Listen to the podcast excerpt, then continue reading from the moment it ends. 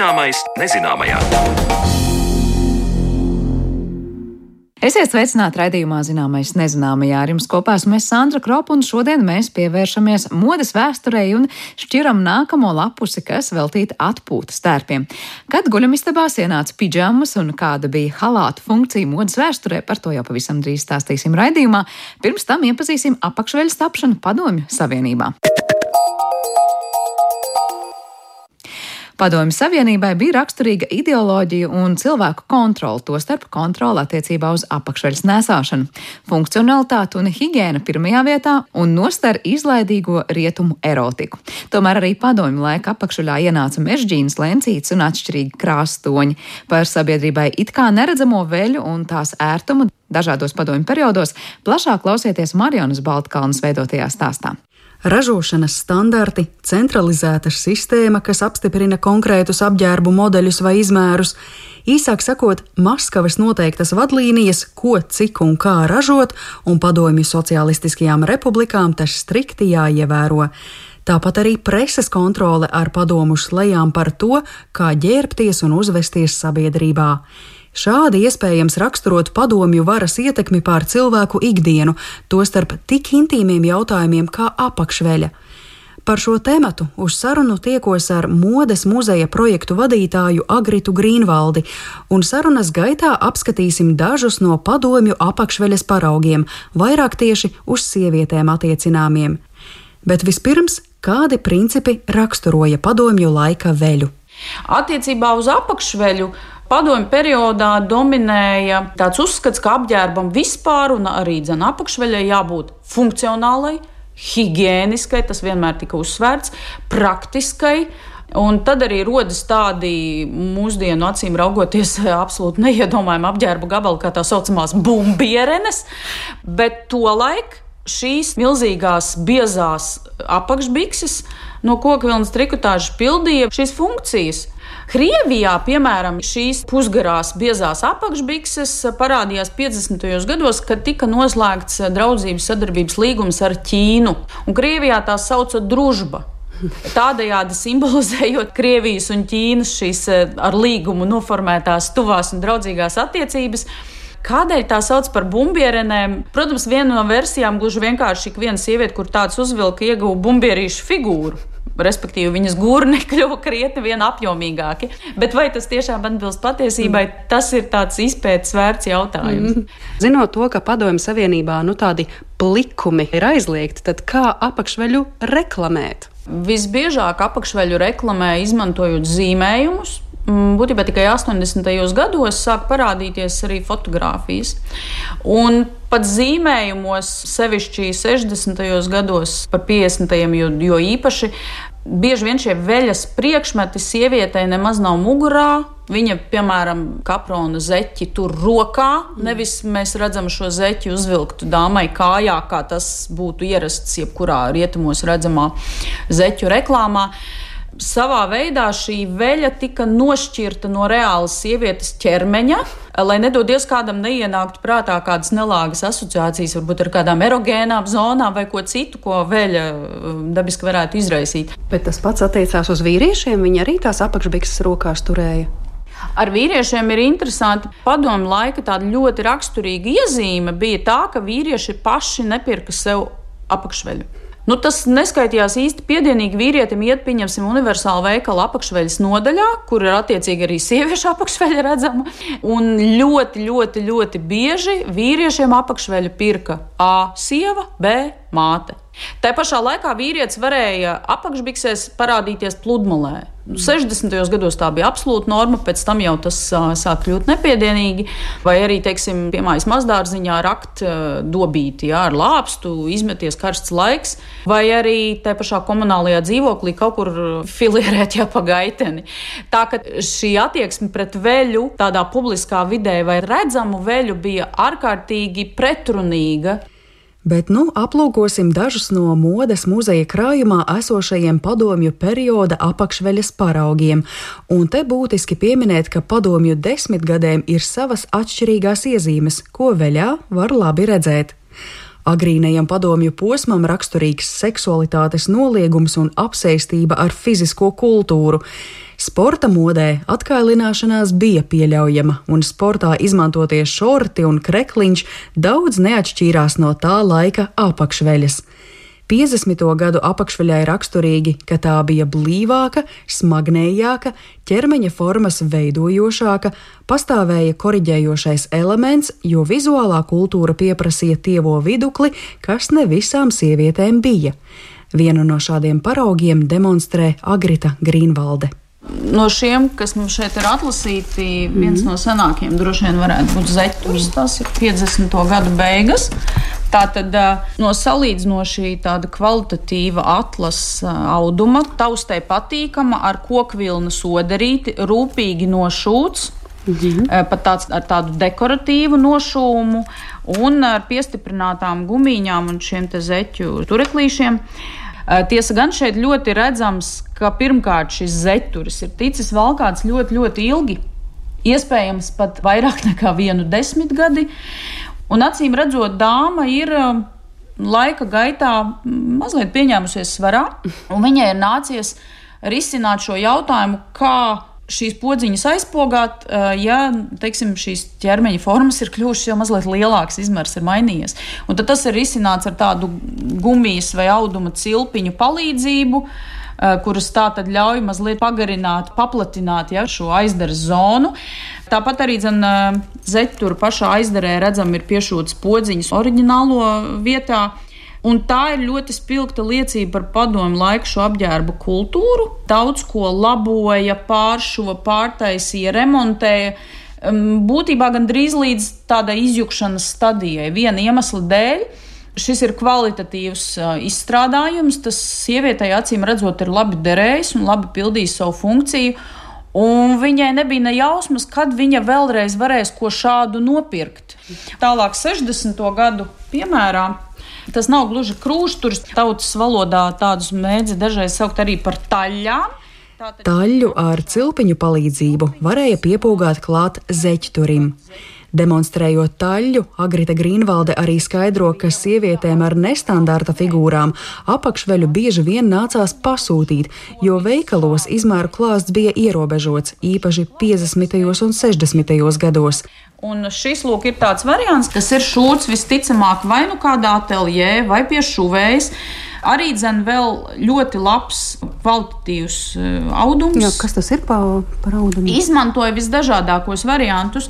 Ļoti populāri, protams, klasiski kokvilna un tad dažādi viskozes paveidi, kas mazliet atgādina pēc spīduma un pēc taktīlajām īpašībām zīdu, tā kā būtībā kā mākslīgais zīds, un arī dažādi paveidi. Bet 60. gados sāk parādīties arī sintētiski audumi, Un tos, jāsaka, diemžēl ļoti strauji sāk izmantot arī apakšveļas ražošanā.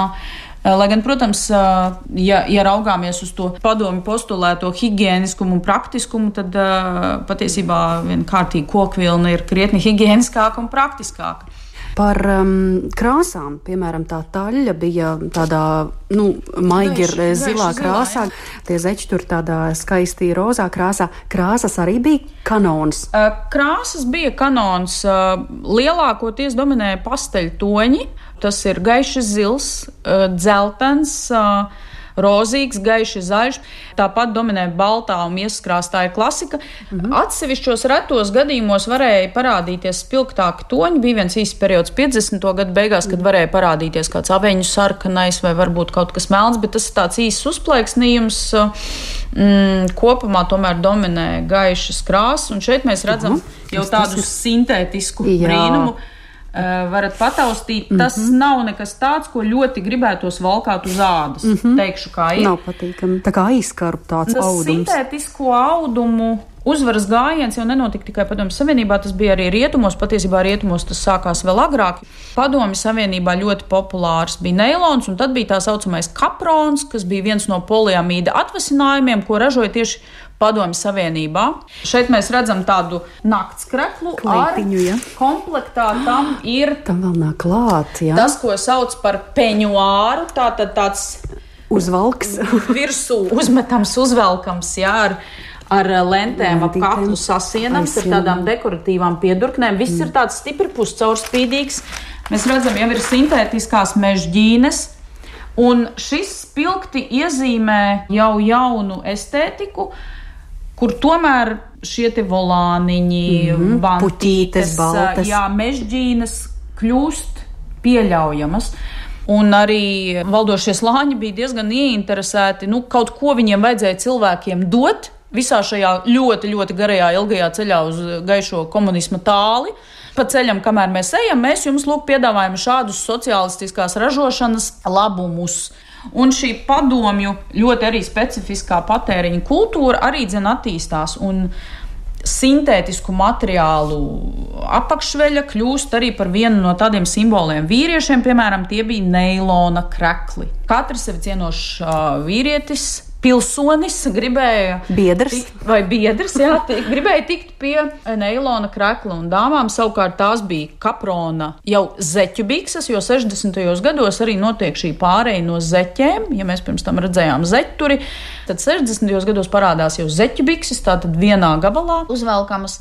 Un, pamazām... un atkal, nevienmēr kaprona zeķu bikses varēja dabūt, tās bieži plīsa, tāpēc līdztekus tām pastāvēja arī kokvilnas zeķu bikses. Bet kopumā visā padomju modē un estētikā ienāca jauns cikls, kas krietnu laiku turpinājās arī 70. gados, un esam nonākuši pie šajā laikā neatņemamas sastāvdaļas sievietes garderobē - apakškrakla ar nosaukumu kombinē. Šeit jau redzam, tas ir visai smalki izstrādāts ar tādām iešūtām mežģīnēm, mežģīnēm ļoti eleganti. Patiesībā šis apģērba gabals ir moderns ekvivalents gadsimtiem senajam sieviešu apakškraklam. Tas bija pats pirmais, kas skārās klāt pie sievietes ķermeņa. Šeit ir mazliet jau citādāk šos kombinē vilka virs krūšturu un biksītēm. Tātad tas jau ir otrais slānis. Tā, šis neiet tieši uz miesas. Vai jā? arī, ja dāma varēja atļauties staigāt bez krūštura vai bija tā nolēmusi, tad viņa varēja arī uzvilkt bez tā krūštura. Bet būtībā tas ir jau tā kā veļas tāds nākamais, nākamais mm -hmm. slānis. Mm -hmm. Arī dzen no sintētiska materiāla, un tur bija dažādas problēmas. Šīs sintētiskās mežģīnas mēdza ķerties taisa kaprona zeķu biksēs. Šie materiāli mēdza izraisīt uh, niezi. Šis ir salīdzinoši tāds maigs, uh, bet ir vēl viens liels mīnus tas elektrizējas. Bet kopumā šis jau ir tāds ļoti estētisks Skast. veļas uh, priekšmets. Nu, izskatās tā kā tāda kleitiņa, un te laikam arī parādās tas mīts iespējamais, ja, ka uh, jā. kombinē padomju sievietes, dažas ir vilkušas kā publiski izējamo tērpu. Man arī savulaik vecmāma stāstīja, jā, ka Krievu virsnieku kundzes esot šeit Rīgā, tātad pēckara periodā vilkuši šādus uz, uz, uz operu, uz teātri, domādams, ka tās ir smalkas vakara kleitas. Es pieņemu, ka tas vairāk ir urbāns mīts nekā tiešām vēsturiska patiesība, lai gan es neizslēdzu gadījumus, ka tiešām šādi ir bijis, bet patiesībā tas akcentē to milzīgo atšķirību, kāda bija starp apģērba kultūru šeit Latvijā un kāda tā varēja būt padomju Krievijā, vēl jo īpaši, teiksim, kaut kur tālu dziļi provincē. Tā Iespējams, jā, tā saucamie kombinē varēja radīt priekšstatu, ka tas ir kaut kas tik skaists, ka mm. nav iedomājams, ka to varētu slēpt zem apģērba. Mm. Bet šeit mums ir. ir melns beidzot, jā, jā tā buržuāziskā. Ekskluzīvs. Kā liecina klāt vēl saglabājusies šī zīmīte, tas ir uh, izgatavots Dienvidslāvijā. Jugo tekstila. Jā, priekšā ir šķēlums, mm -hmm. ar mežģīni apdarināts, tātad šis kombinē ir melns. Uh, izskatās, es teiktu, ļoti estētiski pievilcīgi. Tas, ko mēs redzam šeit, ka virknei apģērba gabalu ir klāt vēl saglabājušās oriģinālās šīs zīmītes. Mm -hmm. Ar izmēru, jā. Ar izmēru bieži vien tur ir norādīts gan materiāls, gan arī jā. pat reizēm precīzs ražošanas gads un, un vieta. Uh, iezīmē vai stāsta par tādu ļoti raksturīgu padomu laika parādību. Uh, Tātad, valdot deficītam, cilvēki pirka to, ko viņiem nevajag, ne tādā izmērā, kā viņiem vajag, ieskaitot pat apaus. Tā iemesla dēļ, ka viņi cerēja pēc tam uh, samainīties mm. ar šīm nopirktajām precēm, ar draugiem, kolēģiem, kaimiņiem, radiem, ar draugiem un tā tālāk. Un tā joprojām. Bet, ja maiņas darījumi tomēr neizdevās, tad apģērbs, tostarp apakšveļa ar visām preču zīmītēm, tā arī palika skapjos un praktiski neskartā veidā nonāca modes muzejā. Kā vēl vienu piemēru šim, Agrita Grīnvalde rāda gaiši zilās, Tallinā ražotās bumbierenes no biezas kokvilnas trikotāžas ar tā saucamo uzkārsumu, jeb pūkainu iekšējo daļu. Mērķis pasargāt sevi no apsaldējumiem, par ko tolaik bija ļoti lielas bažas. Un tad ir, protams, jāpiemina pašmāju mūsu veļas flagmanis, lauma. Oh, jā. Arī dzen, mēs redzam ar visu oriģinālo etiķeti. Lauma tika dibināta Liepājā 1971. gadā, un principā 70. gados Krievijas lielajās pilsētās bija zināms, ka laba veļa ir jāmeklē Baltijas republikās. Lauma ražoja nevienu veļu, bet arī izaivielas, un mēs apskatām kādu baltu krūšturi, kura nesātājai tomēr būtu jāsaskaras ar izaicinājumiem. It kā ļoti simpātisks kokvilnas izstrādājums ar tādu baltšuvumu. Uh, nu, pat diezgan estētisks. Bet, ja mēs sākam raudzīties uz to funkcionālo pusi, um, piemēram, tāda nianse lencītes vispār nekā neregulējās garumā, un tās nav elastīgas. Mm. Tas nozīmē, ka ja jums tur plecu krūšu garuma augstuma attiecība bija mazliet cita, tad bija vai nu jāiešuj kaut kas jāieņem, jāpadara šīs lencītes īsākas, vai jāšuj kāds papildu gabals iekšā. Tāpat arī šī te krūšu bludiņas forma ir ļoti, ļoti vienkārša. Tā sastāv tikai no divām daļām. Tur nekādu smalku iešuvju nav. Ja gadījumā jums krūša forma ir kaut mazliet cita, krūšturs vienkārši nedara. Kas ir interesanti, bija diezgan tipiski padomju laika veikalos tas, ka apakšveļu nedrīkstēja piemērīt. Un ja es mēģinu iedomāties, ka sievietei bija jānopērk šāda tipa krūšturis, bet viņai nebija iespēja piemērīt, tad es saprotu, ka tas bija tāds īsts acumēra varoņdarbs.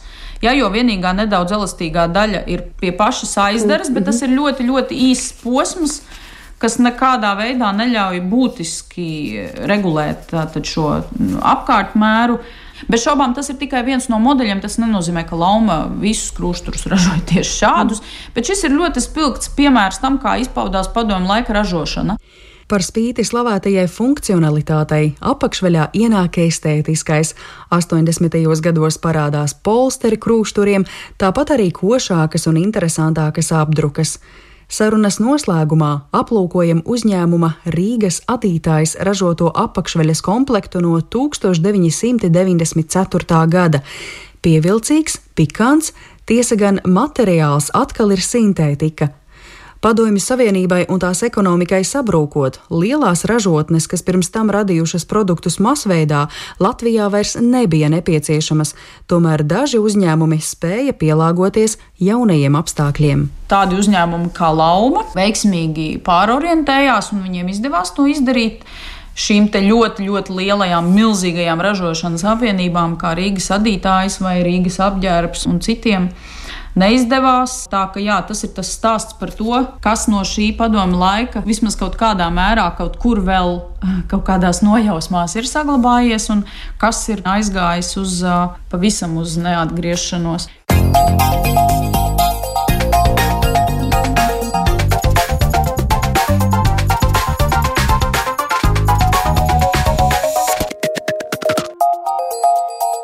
Zināmais nezināmajā. Modes vēstures lapusēs vēl neiepazīta mūsu raidījumā ir kāda ļoti būtiska apģērba sadaļa, bez kuras grūti iedomāties komfortablu dzīvi, un tas ir atpūtas un nakts tērpi.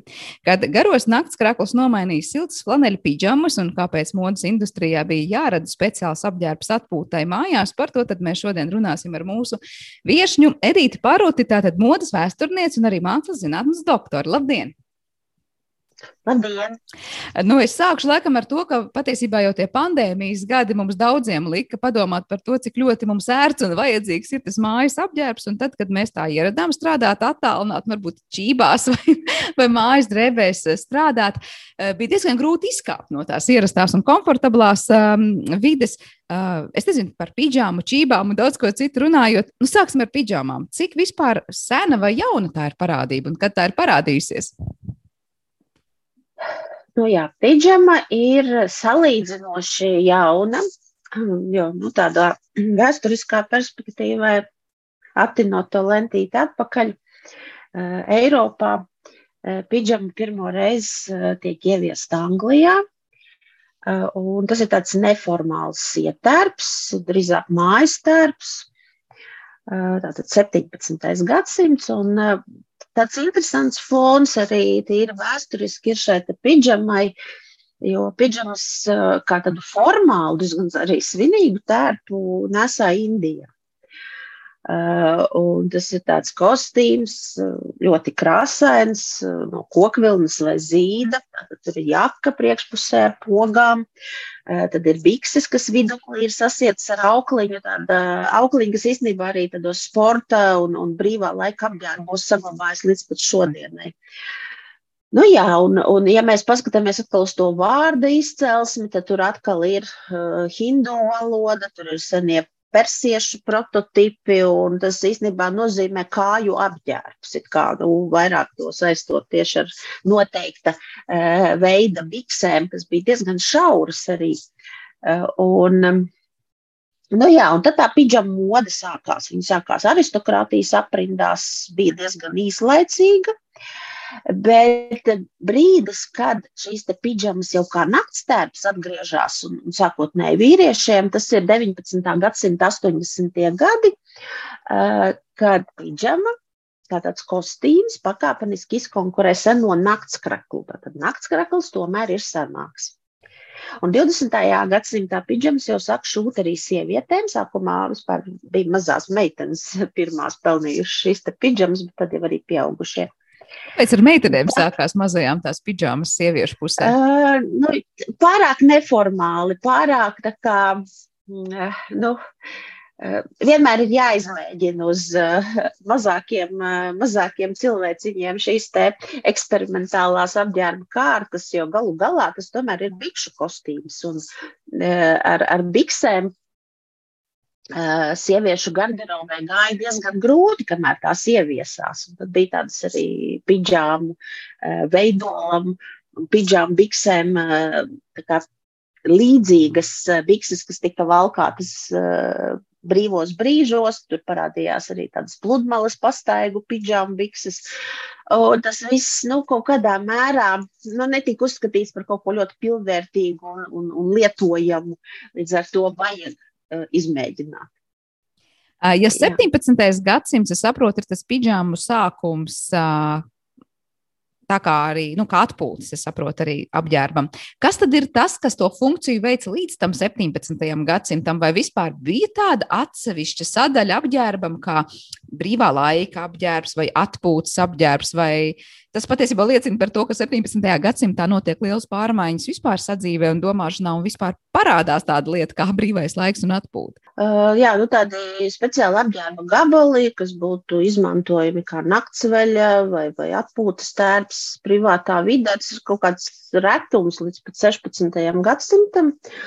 Un tad uh, ir tādas ziņas avotos, ka īstenībā naktstērpa jēdzienu ir ieviesis franču izcelsmes lingvists Džons, jeb Žāns Palsgreivs, kas darbojās Anglijas monarha Henrija 8. galmā, un tas ir kaut kur ap 1530. gadu. Nu, bija tāds jocīgs vārdiņš slope, un, un tas patiesībā ir naktskrekls. Eh, līdz ar to naktskrakls parādās eh, sākotnēji vīriešiem, eh, un tas, kas varbūt pirms tam un arī paralēli tika izmantots, tas bija jebkāda veida krekls, ko varēja nesāt, teiksim, arī sievietes zem, zem šīm garajām kleitām. Tā varēja būt arī kaut kāda agrīnā apakšveļa, vai arī neizmantoja vienkārši neko. Kā arī visbiežāk līdz 16. gadsimtam devās, teikt, gulēt, apsadzoties ar segu. Tas tā mūsdienu cilvēkam laikam neierasti, pat iedomāties, cik ļoti mēs esam pieraduši pie tā, ka mums ir kaut kāds atpūtas laikam, cits apģērbs, brīvā laika šie gan apavi, gan apģērbi. Un ir bijis laika posms, kurā patiesībā tādas iespējas vispār nav bijušas. Proti, netika nodiferencēti tas, kā cilvēks ģērbjas, tad, kad viņš ir darbā, tad, kad viņš ir saka, ārpus darba kaut kādā laikā, bet tas, laikam, tiešām saistās ar to, ko konkrēti cilvēki darīja. Uh, mēs te sākām runāt arī par to Indiju, tika piesaukta, ka pidžama patiesībā vairāk celās no Indijas tajā laikā. Uh, vai tobrīd arī Indijā tās funkcijas pidžamai bija tādas pašas, kā mēs to saprotam šeit, uh, mūsu šajā platuma grādos, vai tur tomēr tam pidžamai bija cits vieta un laiks, kā to valkāja? Jā, nu, pidžama tas īstenībā ir uh, tikai nosaukums, kas mums asociējās ar, ar uh, nakts laiku vai brīvo laiku. Uh, bet uh, Indijā tas bija pavisam normāls. Arī galvā varēja nesāt pidžamu, tāds nu, tiešām apģērbs uh, no svītraina vai kokvilnas vai svītraina zīda auduma. Jā, nu, tiešām kaut kas tāds, ko, ko velk svinīgās reizēs. Un, kā mēs arī to varam pamanīt pēc arī citām ietekmēm no austrumu kultūrām, arī tas pats ir ar kimono. Kimono arī 17. gadsimtā saukts par Japāņu mēteli, ieviešās jau tādā brīvā laika atmosfērā Eiropā. Lūk, pavisam, pavisam citi akcenti, jo nu, cita kultūra vide, citas tepšanās tradīcijas, un patiesībā tas ir arī kaut kāds tāds eksotisma vilnis, kas arī pārņem Eiropu, kad ir ļoti liela interese par kaut kādām tādām neparastām uh, apģērbu kārtām, neparastiem priekšmetiem, kurus var arī izmantot uh, interjeru dekorēšanai. Un, un, jā, ar to arī lepojās, ka lūk, man tas Man tas ir no austrumiem, un, un, un es to nesāju privātā uh, vidē. Bet tad kaut kādā brīdī parādās šī interese to privāto telpu iznest uh, publiskā vidē. Un tas arī ir 17. gadsimts, kad ir šie te, uh, indiešu tirgotāju mēteļi, banjani, uh, kurus. Um, Eiropas atkal aristokrātija valkāja arī kā mājas apģērbu, bet viņi reizēm arī to banjana mēteli miksē, piemēram, ar kaut kādām eiropeiskām tērpa sastāvdaļām, uzvelk galvā naktsmici vai, vai, vai liek galvā turbānu un uh, dodas, piemēram, uz bibliotēku savā, savā mājas, mājā, uh, lasīt grāmatas, jā, vai, vai kā citādi uh, Uh, darboties mājas vidē, uh, pirms varbūt iziešanas kaut kādā publiskā telpā. Jā, un tad sākās šie te uh, portretējumi, kad, piemēram, sabiedrībā pietiekuši zināmas personas, piemēram, galvenie ierēģi, viņus mākslinieki portretē šādos mājas tērpos, un visbiežāk tiek izvēlēts eksotiskais banjans, jo tā ir tāda bezmaz statusa zīme. Ļoti koši viņi ir svītraini ar ziedu rakstiem. Nu, jā, tā tas, tā tas ir noticis savu laiku, un, un arī jā, tas bija brīdis, kad, kad arī tā privātā telpa iznāca kā publiskā vidē, kā tas varbūt pavisam nesen bija uh, šajos pandēmijas eh, gados, kad eh, nu, arī gandrīz vai ar tādiem mājas tērpiem devās, devās ielās. Jā, bija arī pēc tam eh, darba vidēs noteiktos uzņēmumos arī dienas, kurās katrs ir aicināts nākt tāds, kāds bija pandēmijas laikā darbā, un tad nu, tur čībās un šortos un daudz kur. Nu, Proti, neatbilstošā tajā veidolā, kā varbūt ir ierasts redzēt lietas šajā vidē cilvēkus. Mēs, mēs redzējām kolēģus, varbūt. Bet uh, piesauktās nakts mices, uh, tikko stāstījāt, kas, uh, kurā brīdī parādās nakts mice un kāda ir tā galvenā funkcija, kāpēc cilvēkam, dodoties gulēt, ir vajadzīga šī cepura, ja tā to var nosaukt? Jā, nu, nakts mices īstenībā ir ar tādu mazmaz uh, mītisku un pasakainu izcelsmi. Uh, nakts mices tika izmantotas pirms vēl naktskrakli tika ieviesti. Uh, un, pirmās teritorijas vai zemes Eiropā, kurās tās nakts mītnes tika ieviestas, ir Britu salas un Skandināvijas zemes. Nu, patiesībā, ja neizmanto nekādu nakts apģērbu, vienkārši biezi sasadzās, eh, tad eh, Vēsajās telpās, nu, protams, galva var sakt salta.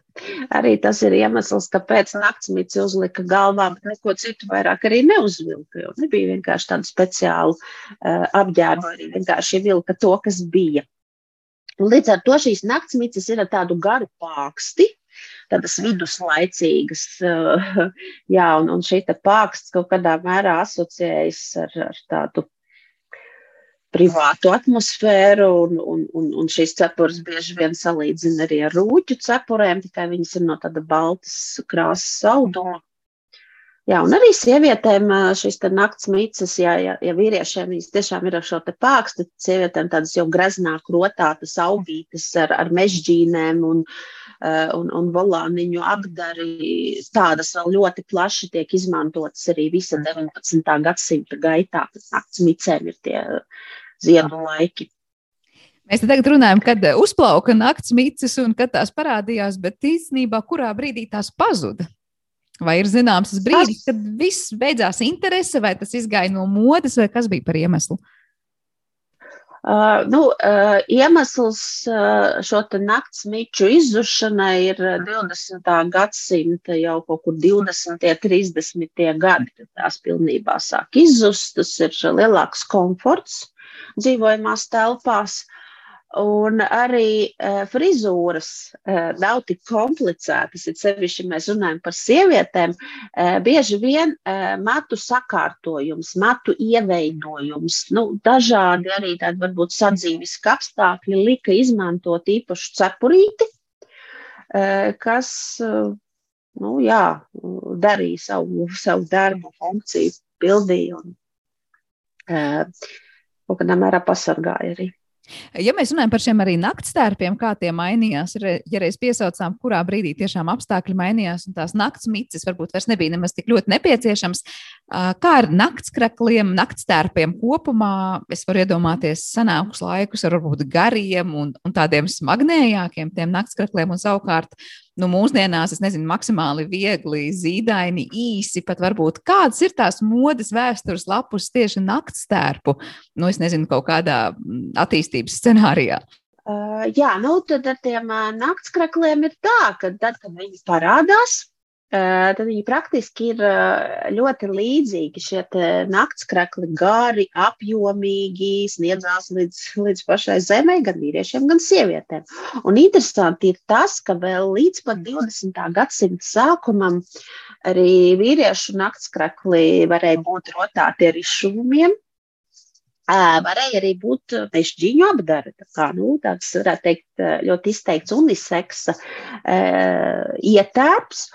Un tad jau 20. gadsimtā faktiski mainās ļoti strauji tas dzīves stils. Ir jau parādījušās pīdžamas, kuras jau arī sieviešu garderobē ir ienākušas. Un, uh, Uh, ir tā, ka tās īsās pidžamas un vispār tāds jau uh, krietni skopāks naktstērps, uh, tas saistās ar 20. gadsimta 20. gadiem. Uh, vēl, ja mēs atcaucam atmiņā, kāda tad ir šī 20. gadu mode, pirmie īsie svārki sievietēm, galu galā ļoti funkcionāls apģērbs, kas ir atbrīvots no tiem liekajiem uzslāņojumiem, kas vēl nozīmē 19. gadsimta tradīcijas un pie kurām vēl turējās diezgan ilgi 20. Mm, gadsimta pašā sākumā, kad arī vēl visi tie naktstērpi varēja būt pietiekoši izpušķoti, graznoti. Nu, tad sākās jau tas 20. gadsimta minimalistisko uh, naktstērpu laiks. Bet var teikt, tas arī gāja roku rokā ar kaut kādu emancipāciju un vispār atļaušanos valkāt arī nu, tīri ikdienā vispār kaut ko īsāku, apspīlētāku, varbūt ne tik ļoti ķermeni nosedzošu, un, protams, tad arī tie nakts tērpi varēja atļauties kļūt, es nezinu, nu, tiešām tādi īsi, viegli, Jā, tas, tas tieši ar to arī ir saistīts, jo šī sievietes zēna modes ēra, kas saistās ar uh, 20. gadiem, uh, nu, tieši tajā laikā arī aktīvāk no vīriešu garderobas uh, daudzi apģērba gabali tika vienkārši adaptēti, viņi pārceļoja uz sieviešu garderobu. Tā arī notiek ar šīm pidžamām un tie paši gultas krekli, kurus izmantoja vīrieši. Uh, nu, tādi pavisam vienkārši ar pogu joslu priekšpusē viņi arī ieceļoja uh, sieviešu gultas krekli. Tā teikt, klāstā.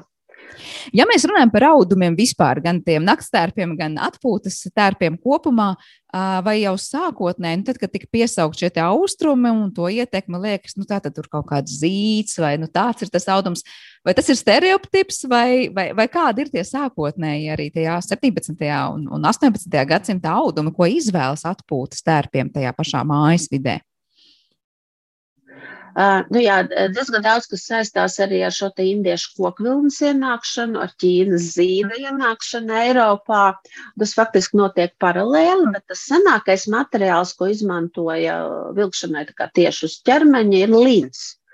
Uh, un līns tad, tad būtu viss tas senākais, kur izmantoja arī naktstērpu uh, šūšanā. Uh, Eh, bet tie pirmie banjani, pirmās pidžamas patiešām arī no šiem te ekskluzīvajiem kokvilnas un zīda audumiem. Un tad vēl arī ar to audumu un moderno šķiedru attīstību daudz kas saistās, jo bija pat uh, neilona uzplaukuma laikā, pat uh, neilona uh, naktskreklī sievietēm, nu, pietiekoši, jāsaka, sintētisks materiāls, bet, nu, tā kā viņš ir moderns, tad arī uz naktstērpu un atpūtstērpu modi daudz kas projicējās no šīm te, uh, nu, tehnoloģiskajām lietām, no tā, kas tiek izgudrots no jauna, radīts kā ļoti progresīvs, tad to arī kādu brīdi izmanto, kamēr atgriežas atkal pie tām vecajām pārbaudītajām vērtībām. Kā ir ar halātiem? Mēs te pirms tam piesaucām kimono. Es iedomājos, labi, mums asociēs arī kimono ar tādu zīdīgu, varbūt vieglu audumu, bet kā ir ar halātiem vai kimono pārnesi to modi arī uz to, kādus halātus šeit sāka veidot un kad parādās tie biezie, siltie, patīkamie mājas halāti, bez kuriem varbūt daudziem nemaz tā ikdiena nav iedomājama dzīvē mājās. Uh, nu, viņus arī um, Eiropā, šos mājas tērpus, tādus virsējos slāņus, reizēm sievietēm arī tādas mājas kleitas bija ļoti krāšņas, siltas, uh, no indiešu uh, audumiem, arī ar indiešu rakstiem, bet viņas arī tajā laikā devēja par kaftāniem. Tur tas kaftāns ir kā tāds saknes vārds, kur faktiski senās Persijas impērijas vēl ietekmes aizvijās līdz 19. gadsimta Eiropai, un, un kaut kādā brīdī arī tās visas tērpu reformētāju kustības un estētu kustības arī ļoti aizrāvās ar kaut kādām austrumnieciskām izpausmēm. Un, līdz ar to šie kaftāni ļoti populāri bija. Bet, protams, ka viņus ārpus privātās vidas nu, nevalkāja. Vienkārši centās arī uzņemt ciemiņus šādos tērpos, centās varbūt kaut kur viņas nodemonstrēt tādā uh, publiskā telpā. Un jā, starp citu, arī galma kultūras uzplaukuma laikmets 17.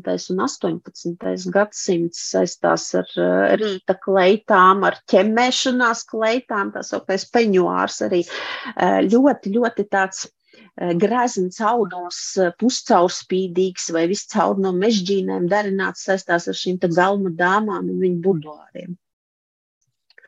Un tad vēl ir šie te tējas pēcpusdienas tērpi. 19. Eh, gadsimta otrā puse, tas lielā mērā ir tāds atelpas brīdis, kad šie korsetēs sažņauktie tēli var nedaudz uzelpot, un tādā arī privātā vidē pulcēties, lai iedzertu tasīti tējas. Un, un, un ietērptos tādā brīvi krītošā tērpā, kurā varbūt ir kaut kādas atsauces pat uz viduslaiku un renesanses modi. Jā, tikko izskanēja tas korsetes jautājums, par ko es jau sākotnēji biju domājis, ka nu, visticamāk tajos laikos, kad bija tie korsetes apģērbi, nu, tā vajadzība pēc kaut kāda brīvākā, nepiespiestāka apģērba, neformālākā gaisotnē, nu, bija krietni izteiktāka varbūt nekā tas ir mūsdienās, kad arī mēs diezgan nu, ērtos apģērbos pārvietojamies visas dienas garumā.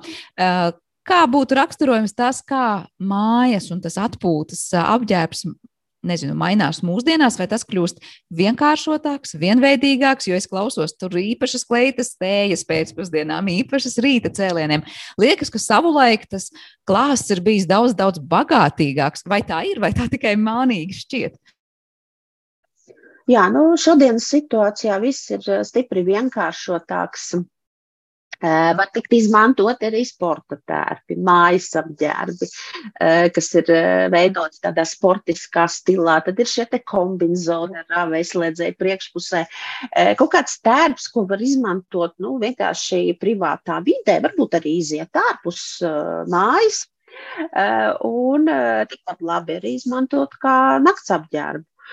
Tā kā, nu, jā, tas ir tas mūsdienu steidzīgais dzīves ritms, kas piespiež domāt vienkārši par kaut kādu šīs garderobas vienkāršošanu un kaut kādu universālumu ieviešanu šajā sakarā. Bet, nu, protams, tas reizēm var izskatīties ļoti komiski. Tad, nu, tiešām šādos kombinācijos, kas ir veidot pēc kaut kāda uh, arī vēsturiskā bērnu apģērba parauga, kad nu, pieauguši cilvēki arī to varbūt uzvelk un nesā. Jā, laikam mūsdienas tiešām raksturo tas, ka mēs vienu to pašu apģērbu mēģinām pielietot dažādās dzīves sfērās, un tiešām varbūt, es nezinu, būšana dārzā, būšana dīvānā un būšana kaut kur brīvā dabā. Daudzreiz varbūt arī apģērba ziņā daudz nemaz neatšķiras. Bet ir vēl viena noteikti sadaļa, par ko es vēlos parunāt, un bez kā nu nav iedomājama ērta un tāda komfortabla ikdienas. Domāju, ka mēs iedomājamies, nu, ko mēs gribam parasti tur siltās čībās vai patīkamās čībās iekāpt, un tas raksturo to pārnākšanu mājās. Kad parādās čības, kādam nolūkam un kādas tās ir? Nu jā, te arī ir divas eh, puses šai čību vēsturē. Viena saistās ar eh, austrumu ietekmēm, Uh, otra varbūt ar tādu uh, aristokrātisko stilu, un varbūt vēl arī trešā puse, kas nu, vairs, vairs jau ne puse, bet trešais punkts, ko varētu pieminēt, ir, ir šie te uh, pasakainie bērnu čību piemēri, par kuriem arī varētu runāt. Bet tad arī par 19. gadsimta 40. gadiem runājot, ir tā sauktās smokinga kurpes, kuras mēs varam saukt arī mierīgi par samtačībām. Un tas asociējas ar um, princi Albertu Britu salās. Uh, ja mums uh, runājot šādā te formātā tas, tas, tas attēls nav priekšā, tad mēs varam stādīties priekšā mūsdienu mokasīnu kurpes, jeb lauferus, Eh, kurus angļu aristokrāti eh, vienkārši kā pārfrāzēja vai izgatavoja, lūdzu, izgatavot no samta. Tātad tie ir mīksti, ērti uzvelkami mājas apavi. Princis Alberts ir tas, kurš to inicijē.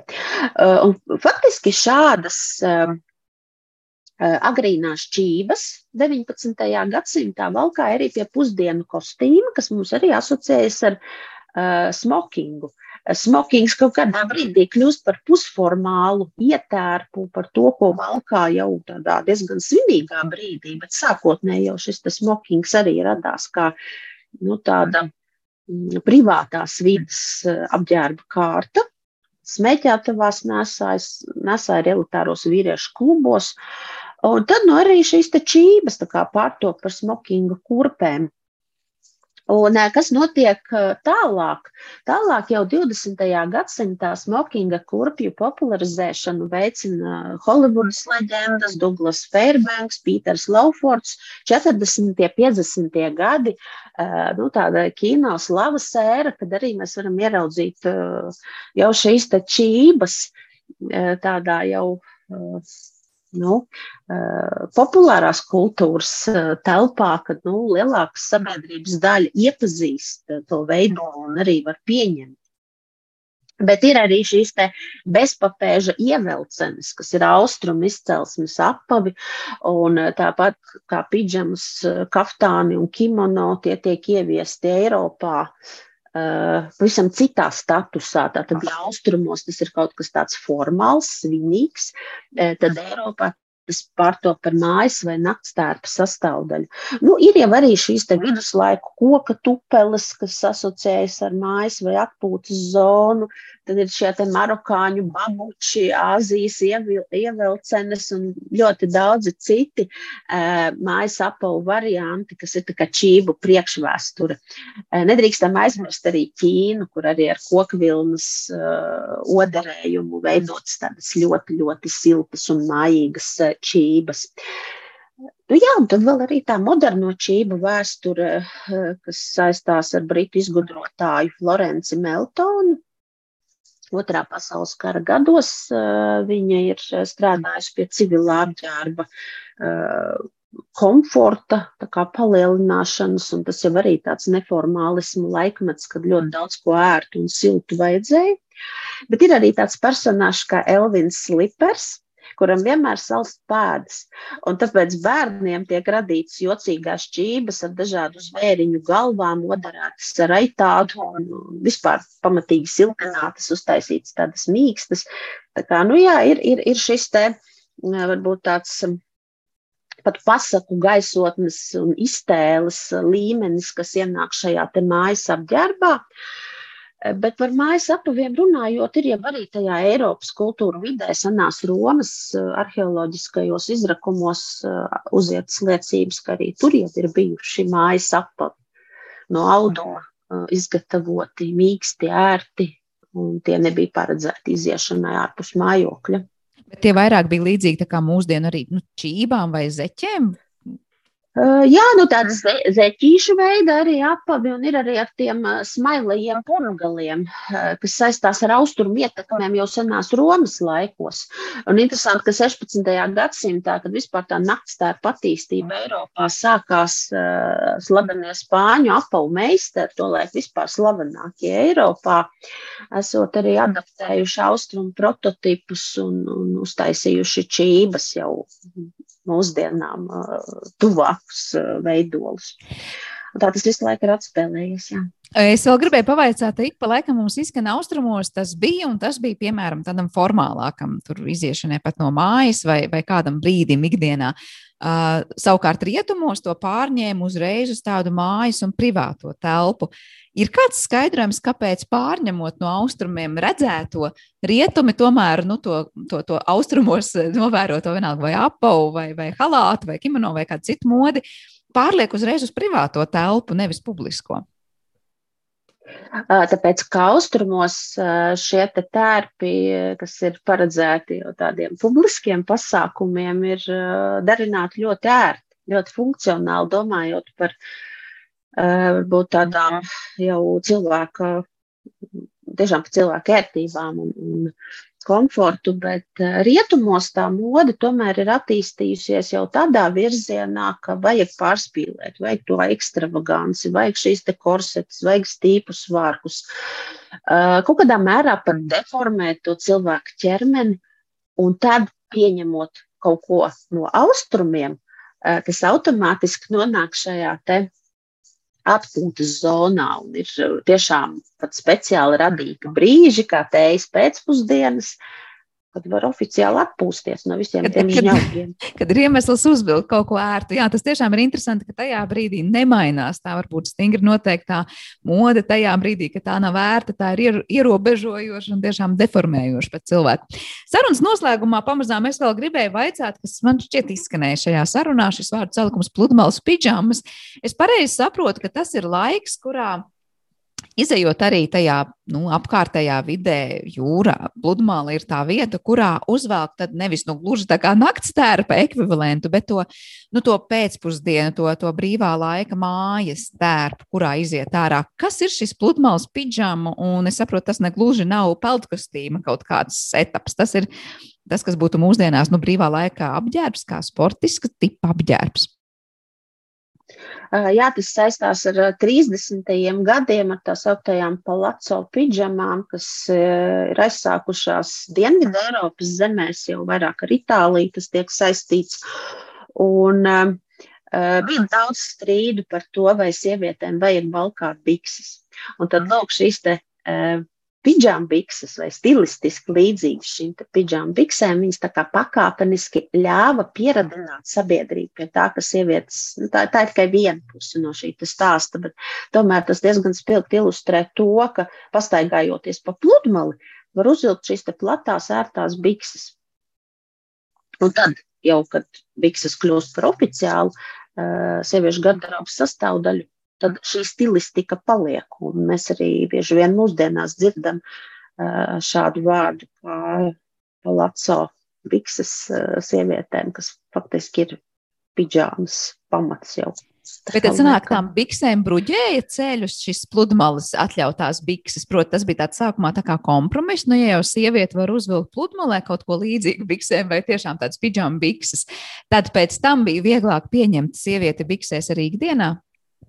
Jā, tieši tā. Un, un vēl jau pirms tam arī bija tās harēma bikses, kuras Pauls Porē uh, centās ieviest, bet kas nu, negūja ļoti plašu izplatību. Nu, katrā ziņā atkal austrumnieciskais fons, uh, mājas ietērps, kaut kāda ērtību uh, tēma, kas arī tiek apspriesta tieši tad, kad tas funkcionālisms kļūst par ikdienas tādu sarunu tematu. Atkal 20. gadsimta 20. gadi, tas ir sākums, un tad vēl tas viss ir neatgriezeniski. Jā, tiešām atpūtas un brīvā laika tērpi dažādās formās ir ienākuši uz palikšanu mūsu ikdienā, jo laikam cilvēkam tikko parādās brīvais laiks un iespēja atpūsties no darba, tad, nu, protams, ka arī tam nepieciešamais apģērbs tiek piemeklēts. Un, lai arī tas mainās, un varbūt paliek vienkāršāks un ne tik daudzveidīgs kā savulaik, tas tiešām ir uz tādu īpašu un paliekošu vietu mūsu, mūsu sadzīvē. Edita, milzīgs paldies par sarunu un to, ka mēs varējām ieskatīties tajā, kā tik ļoti ierastas varbūt lietas patiesībā ir nonākušas līdz, līdz civilizācijai no dažādām pusēm. Un es atgādinu, ka Edita Paruta, tātad modes vēsturniece un mākslas zinātņu doktora, bija kopā ar mums šodien raidījumā Zināmais nezināmajā, un ar to arī šis raidījums ir izsmeļots izskanējis, ko producēja Paula Gulbīnska par mūziku parūpējās Girds Bišs, bet ar jums kopā bijis Sandra Kropa. Uz redzēšanos!